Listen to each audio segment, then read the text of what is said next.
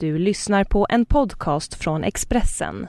Fler poddar hittar du på expressen.se podcast och på iTunes. Det här är Expressen Dokument om Lundsberg av Johanna Kardell och Mia Karlsson som jag, Johan Bengtsson, läser upp. Då ett anrikt exklusivt internat. Nu en skandalskola.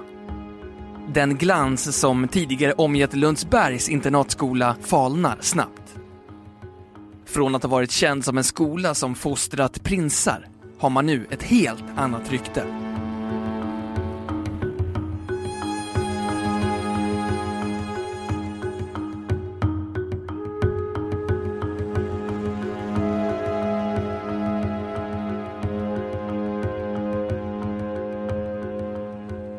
Över 600 000 människor såg Ondskan på bio.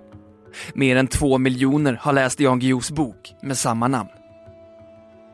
De grymheter som huvudpersonen fick utstå skakade om svenska folket. Det våld som man utsattes för, framför näsan på vuxna som inte agerade, gjorde att ordet penalism blev ett begrepp som alla pratade om. Historien är delvis självbiografisk och beskriver grymheter som Guillou själv utsattes för på internatskolan Solbacka. Då filmen hade premiär 2003 hade det gått över tio år sedan den skolan stängdes. Men det mildrade inte upprördheten hos svenskarna. Nu har det gått ytterligare tio år. Då briserar nyheten. Varma strykjärn har använts vid invigningsriten på Lundsberg. Inte mycket tycks ha hänt under de år som gått. Nu är skolan stängd. Rektorn har fått sparken och styrelsen har ställt sina platser till förfogande. Vad som ska hända med Lundsbergs internatskola är ovisst. Ska den öppna igen krävs omfattande förändringar. Skolan i värmländska Storfors har en historia som sträcker sig över hundra år tillbaka i tiden och som från och med idag inte får bedriva undervisning. Det sägs att prins Bertil blev idrottsprinsen tack vare Lundsberg, där han var en stor talang i både skridskor, längdhopp, löpning och höjdhopp. Men under tiden på Lundsberg var Bertil också med om en bilolycka, då prinsen tappade kontrollen över en femsitsig Chrysler på vägarna utanför Filipstad. En 18-åring som var skolkamrat med prins Bertil på Lundsberg avled av skadorna.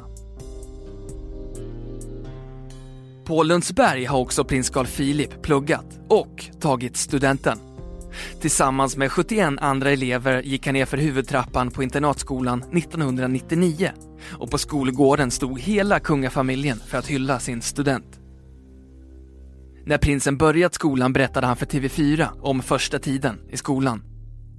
Det är strikt, många regler och mycket folk man inte kände. Lite jobbigt, lite ensamt, sa han då. Men han sa också att man bara behövde ge det ett par veckor så kom han in i det. Att skolan fostrat prinsar har lockat framgångsrika familjer att låta sina barn studera där. Familjer som Wallenberg, Bonde och De Geer har haft sina barn i skolan. I ett reportage i Café 2010 listas tre kategorier av elever på Lundsberg. Herrgårdsaristokratin, barn till slottsadel eller storbönder på vischan söner och döttrar till framgångsrika familjer i industri eller företagsvärlden. Externer, ett mindre antal vanliga värmlänningar i skolans upptagningsområde som valt att läsa där men som inte bor på internatet. Lundsberg är känd som en av Sveriges mest exklusiva skolor och med avgifter på flera hundratusen kronor per läsår är det inte ett alternativ för alla. Men skolans rykte har blivit allt mer luggslitet med åren. I takt med larmrapporter om penalismen som uppges sitta fast i väggarna och som inte tycks försvinna trots Skolinspektionens många oanmälda besök, deras kritik och framförda krav på förändring. Trots de åtgärder som skolan upprättat och som samma skolinspektion sen godkänt.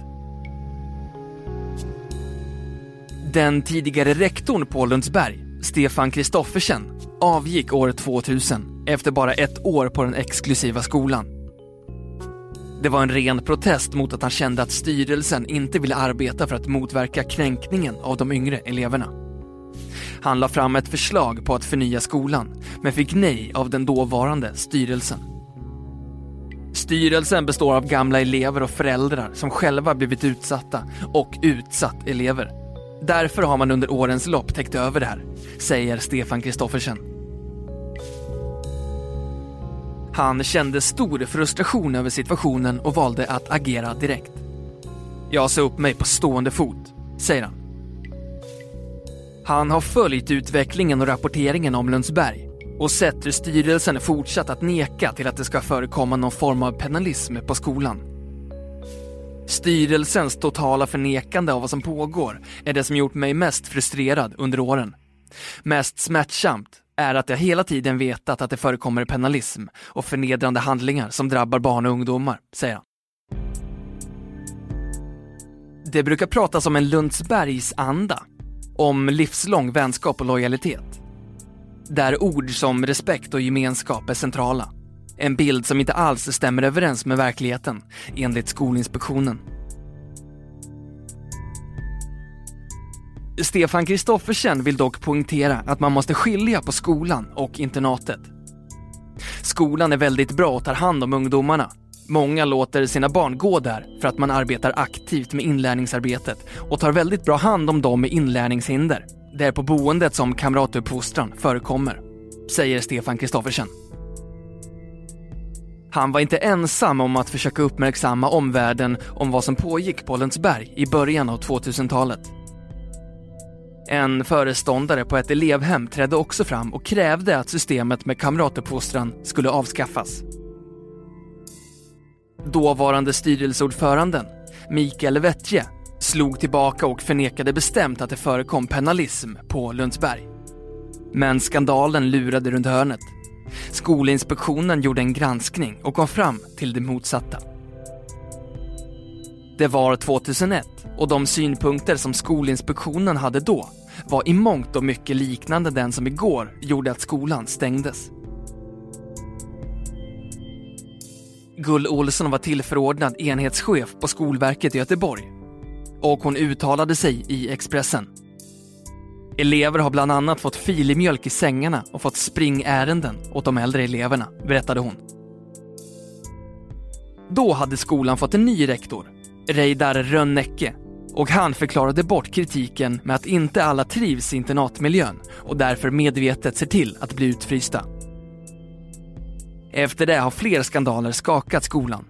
I december 2005 drabbades den av en bajsincident.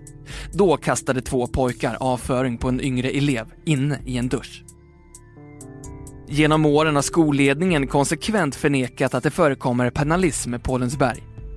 Så sent som förra året riktade Skolinspektionen hård kritik mot skolan efter uppgifter om penalism. Man ställde då krav på skolans ledning och hotade med vite på en halv miljon kronor. Myndigheten meddelade i april i år att Lundsberg uppfyllt kraven. Men sen hann knappt höstterminen starta.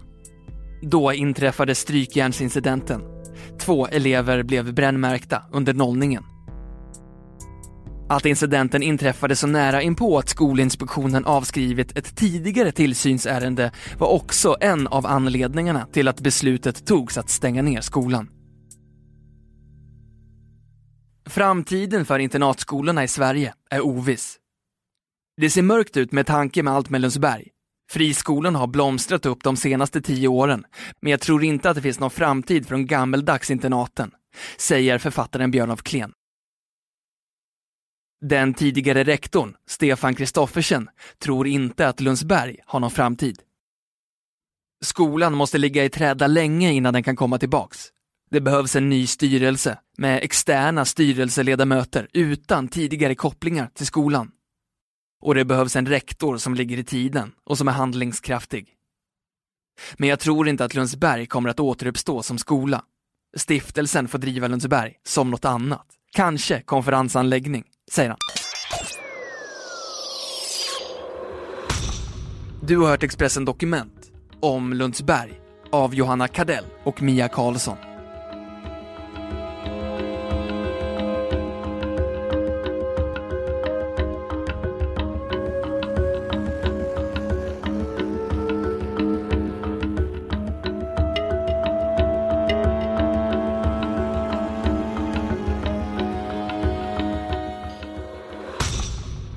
Du har lyssnat på en podcast från Expressen.